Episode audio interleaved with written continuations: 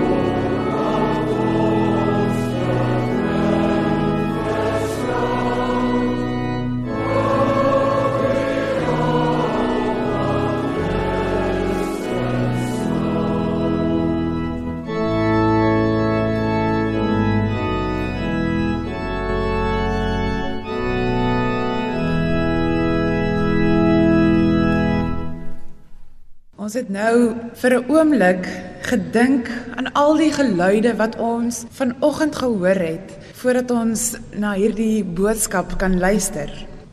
Deel van die erediens is dat ons soms ook 'n bietjie oor ons lewe reflekteer.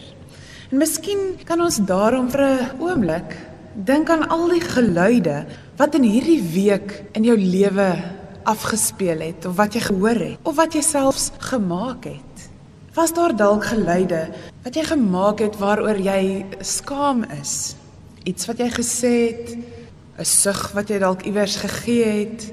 Was daar dalk geluide in die afgelope week wat jou seer gemaak het? Dalk is dit iets wat iemand gesê het. Wat is die geluide wat dan binne in jouself gehoor word? Was daar geluide wat jy wens dalk anders geklink het as wat dit geklink het? Geluide wat jy dalk verwens? Elkeen van ons maak elke dag verskillende geluide in wat ons sê en wat ons doen, ja selfs ook in wat ons dink. Ons gebed is dat die geluide wat ons maak meer en meer tot eer van God sal wees. Ons gaan onsself nou verootmoedig in 'n manier hoe ons onsself eintlik klein maak as ons besef hoe groot God is en hoe ons lewe in sy hande is. Here, daar is so baie mense rondom ons, maar ons sien die meeste van hulle nie eers raak nie. Here, wees ons genadig. Here, by U is die laastes eerste, maar by ons bly hulle laaste. Here, wees ons genadig. Here, ons hou meer van belangrike mense as van onbelangrike mense. Here, wees ons genadig. Here, ons is uitverkoop aan 'n samelewing waarin groter altyd beter is. Here, wees ons genadig. Here, ons hou van dinge en van mense en selfs van kerke wat blink. Here, wees ons genadig. Here, help ons om meer mense raak te sien, veral die byna onsigbares. Here, wees ons genadig. Kom ons sing die 4de vers van lied 196.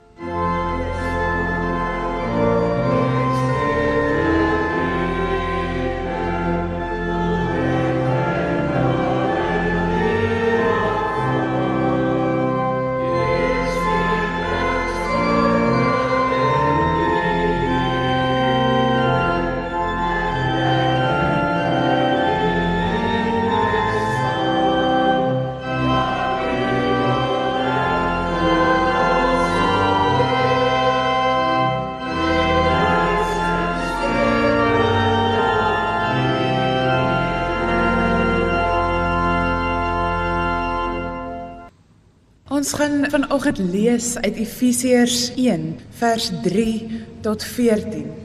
Kom ons word vir 'n oomblik stil. O God van oorvloedige seëninge, ons prys U. Ons luister na hierdie erediens omdat ons harte na U smag. Ons sing lofliedere omdat ons ons in U verbly. Ons bid tot U omdat ons so afhanklik is van U.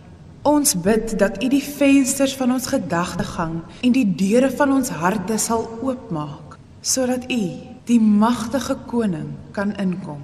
Amen. Efesiërs 1 van vers 3. Lofwaardig is die God en Vader van ons Here Jesus Christus. Dit is hy wat ons in Christus geseën het met elke geestelike seëning in die hemel. So het hy ons voor die grondlegging van die wêreld in hom uitgekies sodat ons heilig en onberispelik in liefde voor hom sou wees. Nadat hy ons voorbestem het om ons deur Jesus Christus as sy kinders aan te neem, soos hy dit volgens sy wil goedgedink het, tot lof van die heerlikheid van sy genade, waarmee hy ons in die geliefde begenadig het. In hom het ons die bevryding deur sy bloed, die vergifnis van ons oortredings uit die rykdom van sy genade wat hy oorvloedig aan ons geskenk het, saam met alle wysheid en insig. Hy het die geheimenis van sy wil aan ons bekend gemaak, soos hy dit goed gedink en in Christus voorgenem het om die volheid van die tye te bestuur en om alle dinge, die dinge in die hemel en die dinge op die aarde, onder een hoof in Christus saam te bring. In hom is ons ook as erfgename uitverkies, voorbestem volgens die voorneme van die een wat alles volgens sy raad en wil laat gebeur, sodat ons wat van die begin af ons hoop op Christus gefestig het, kan bestaan tot lof van sy heerlikheid. Toe julle die woord van die waarheid, die evangelie van julle verlossing gehoor en tot geloof gekom het, verseël met die Heilige Gees wat beloof is. Die Gees is die waarborg van ons erfenis om ons los te koop as God se eiendom tot lof van sy heerlikheid. Ons lees dan vanoggend tot daar. Efesiërs, veral Efesiërs 1 wil God loof en sy heerlikheid groot maak. Vers 12. Sodat ons wat van die begin af ons hoop op Christus gefestig het, kan bestaan tot lof van sy heerlikheid. Die brief van die Efesiërs is 'n brief aan 'n kerk en sou net sowel ook 'n brief aan ons as kerk aan God kon wees. Van die begin tot die einde van hierdie brief is dit 'n beskrywing van hoe die kerk van Christus behoort te lyk en te leef. Hierdie brief wil ons van voor af herinner waarop die kerk as gemeenskap saam, maar ook as individue behoort te fokus. Ons behoort te fokus op die drie enige God, wie se kerk dit is. Die God wat die kerk tot stand gebring het en aan die kerk lewe gee. Die heerskappy van God is die fokus van ons lewe, van ons as kerk se bestaan. Ons lewe is in Christus. Ons is van God, deur God, vir God en ons lewe voor God. Ons is deur God geskep en vir God geskep. Dit is wie ons is en hoekom ons bestaan. Soos julle weet is die grootste deel van die Nuwe Testament in Grieks geskryf. En die Griekse teks van hierdie wat ons nou saam gelees het, is al 11 van daardie verse een sin in die Griekse Bybel. Dit word dan 'n paar vervlegte verse wat vra dat mense dit eintlik 'n paar maal moet lees voordat jy heeltemal kan begin verstaan wat hier geskryf word. Aanvanklik het hierdie verse vir my amper soos 'n kakofonie van klank geklink. Idees en gedagtes wat amper gelyk by my kop instroom. Dit het my baie lees en dink en bid en veral luister gevra om meer van hierdie teks te probeer verstaan. Dit het my ook laat dink dat ons lewe soms soos 'n kakofonie van klanke klink. Dit voel soms of daar duisend dinge op een slag gebeur. En ons word dikwels oorweldig deur 'n klomp klanke op 'n daaglikse basis. En daarmee saam ook deur gedagtes en dinge en goed wat ons sien en hoor en ervaar en beleef. Hierdie gedagtes en dinge en goed, hierdie kakofonie van dinge wat om ons gebeur, kan ons fokus afhaal van die heerskappy van God. Ek dink tussen al hierdie woorde deur roep Efesiërs ons op om vir 'n oomblik stil te word en tussen al die geluide te probeer luister na God, te probeer fokus op God. Wanneer ons hierdie teks lees, is daar drie goed waarop ons kan fokus. En hierdie drie goed is in die eerste plek dat die gelowiges geseën is met al die seënings van die Gees. Die tweede, die bekendmaking van die geheimenis. En in die derde plek die deel word van die volk van God. As ons lees dat ons geseën is met al die seënings van die Gees, is ons geseën met die seën dat God ons al voor die skepping in gedagte gehad het. Kan jy vir 'n oomblik dit by jouself probeer klein kry? Dat selfs voor die skepping God jou al in gedagte gehad het om ter ere van hom te leef. Dit beteken verder dat ons aan Christus behoort, dat ons in Christus is. Dat ons gekies is deur God, bevry is deur God. Dat ons ons hoop in God, in Christus vind en dat God se beloftes verseël word in die Heilige Gees, in die Gees wat in ons uitgestort is. God wat in ons leef. Daarom kan ons eintlik onsself net verwonder oor wat God alles vir ons doen en kan ons nie anders nie as hom te wil loof en prys. As ons dan ook fokus op die bekendmaking van die geheimenis, is hierdie geheim dat Christus die een hoof van alles in die hemel en op die aarde is. As ons dink aan hoe die evangelies uitgespeel het en hoe Jesus dikwels wanneer hy mense genees het, gesê het moenie vir iemand gaan sê wat ek gedoen het nie. Dan word ons weer daaraan herinner dat Christus amper sy identiteit vir 'n tyd eers geheim gehou het, nie omdat hy snaaks wou wees nie, maar omdat hy wou verseker dat die mense hom loof omdat hy God is en nie vir die wondertekens wat hy gedoen het nie. Hy wou seker maak dat ons die geheimenis van wie hy is en van wie ons in hom is kan verstaan. Die slotsom van die geskiedenis, van die lewe, van die wêreld, is dat die tyd weer in ewigheid sal opgaan en alle dinge onder Christus se heerskappy verenig sal wees.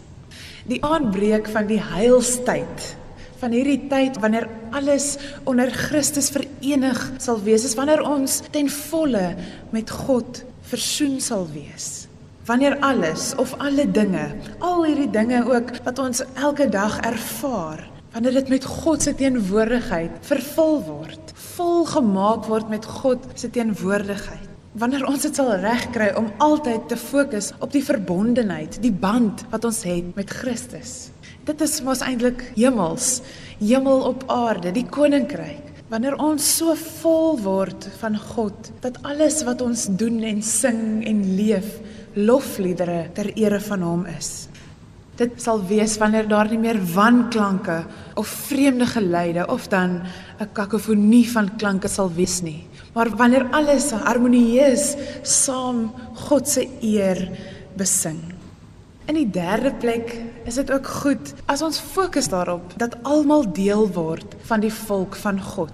Nou soos julle weet, was dit vir die Jode belangrik om die volk van God te wees en eintlik 'n aparte volk.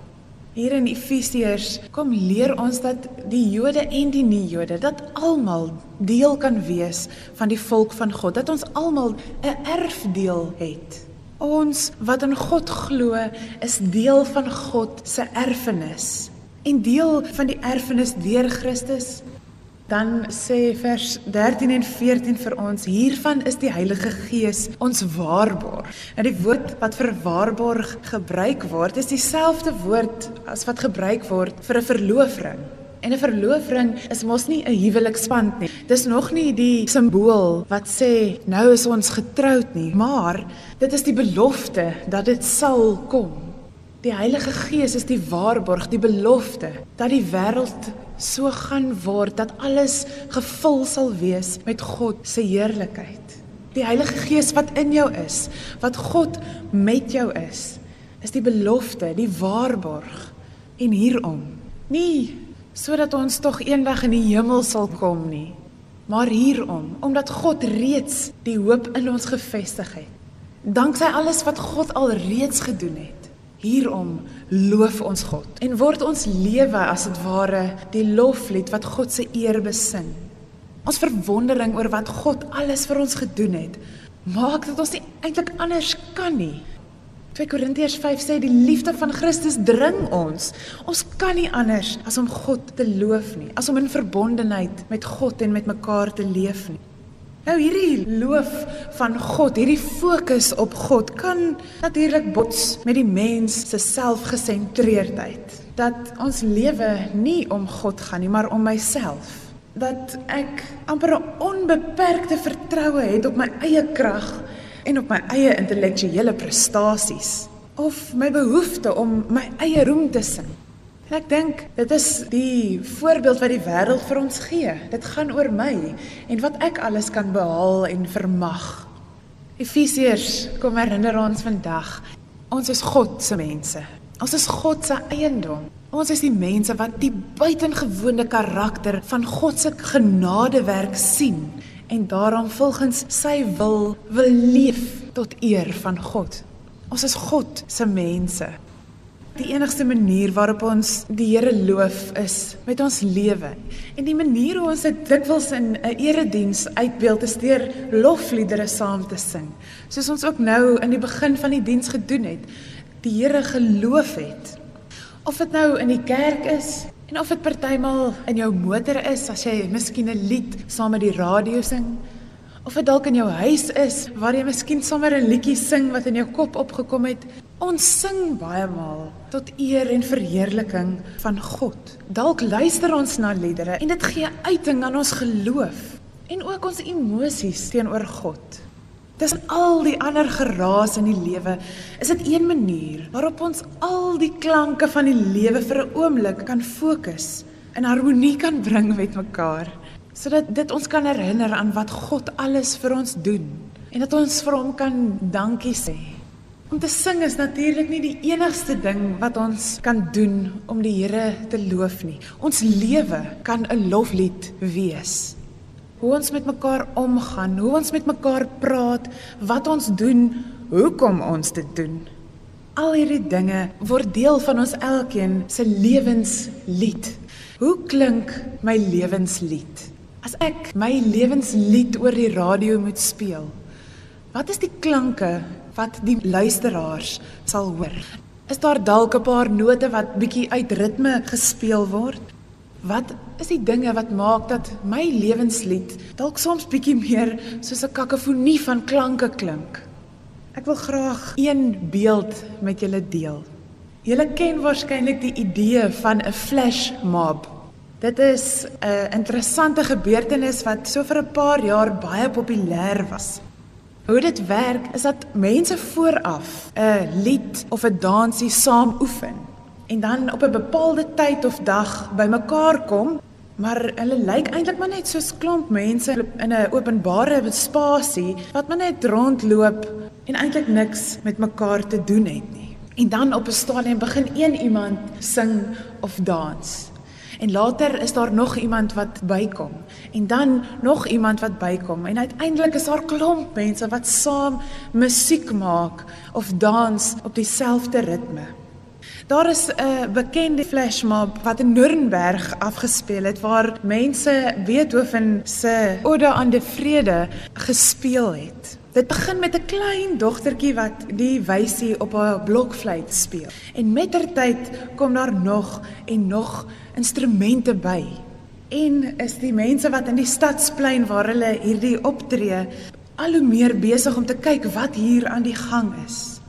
En heel aan die einde van die werk is daar mense wat saam sing, 'n hele koor wat hierdie simfonie saam sing.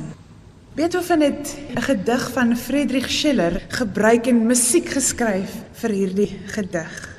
Maar Beethoven was al baie doof teen die tyd wat hierdie werk vir die eerste keer uitgevoer is. Hy was saam op die verhoog saam met die dirigent om sy passie vir hierdie lied uit te leef. Daar word vertel dat hy eintlik ook saam met die dirigent vir die mense probeer wys het hoe hulle moet speel en wat hulle moet doen.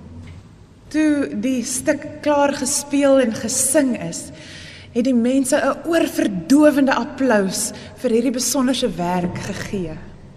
Maar Beethoven het dit glad nie gehoor nie. Iemand moes as dit ware aan sy skouer tik om sy aandag te vestig op die luide applous wat hy vir hierdie werk ontvang het. Ek lees 'n poging tot 'n Afrikaanse vertaling van hierdie Duitse gedig, die laaste vers. Julle wat miljoene is, ek omhels julle. Broers, bo die hemelkoepel moet daar 'n liefdevolle Vader wees. Sing julle sy lof, julle wat miljoene is. Wêreld, ken jy jou Skepper? Soek hom in die hemele. Hy woon bo die sterre. Hierdie lied dien as 'n oproep dat mense saam moet staan en mag ek waag saam moet sing. Vandag wil die verskillende klanke ons herinner dat ons lewe een groot simfonie kan wees wat ons saam met ander kan uitleef wat uiteindelik ons getuienis raak wat ander mense uitnooi om te kom luister selfs om saam te kom sing Ons lied kan dalk ook maak dat mense eerder wegbly van ons. So vandag pleit ek by julle, mag ons lewenslied so gesing word dat ander mense soos by 'n flashmob amper nie anders kan nie as om ook saam te sing. Here, dankie dat U die God is wat vir ons die bladmusiek van die lewe gee sodat ons ons lewenslied tot eer van U kan sing kan leef. Mag ons lewenslied mooi klanke maak wat U vereer. Dankie dat U ons vergewe, dat U genade en U hoop en U liefde ons lei. Here, my gebed is dat elkeen wat vandag na hierdie boodskap luister, sal onthou, sal beleef hoe lief U hulle het. Hoe besonder spesiaal elke liewe een is. Dat elkeen sal onthou dat God ons liefhet en ons nooit alleen laat nie. Amen. Ons gaan lied 146 sing. Prys die Here, loof en prys hom.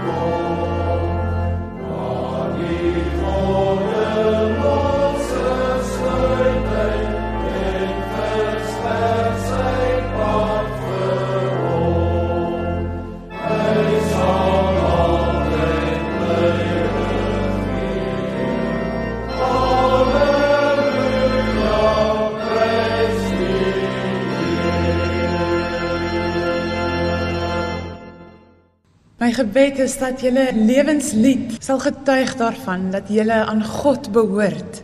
Sy hoop en genade ontvang het en dit ook gaan uitdeel. En dit is moontlik want die genade van God ons Vader, die liefde van Christus, sy seun en die teenwoordigheid, die troos en die leiding van die Heilige Gees gaan met julle elkeen.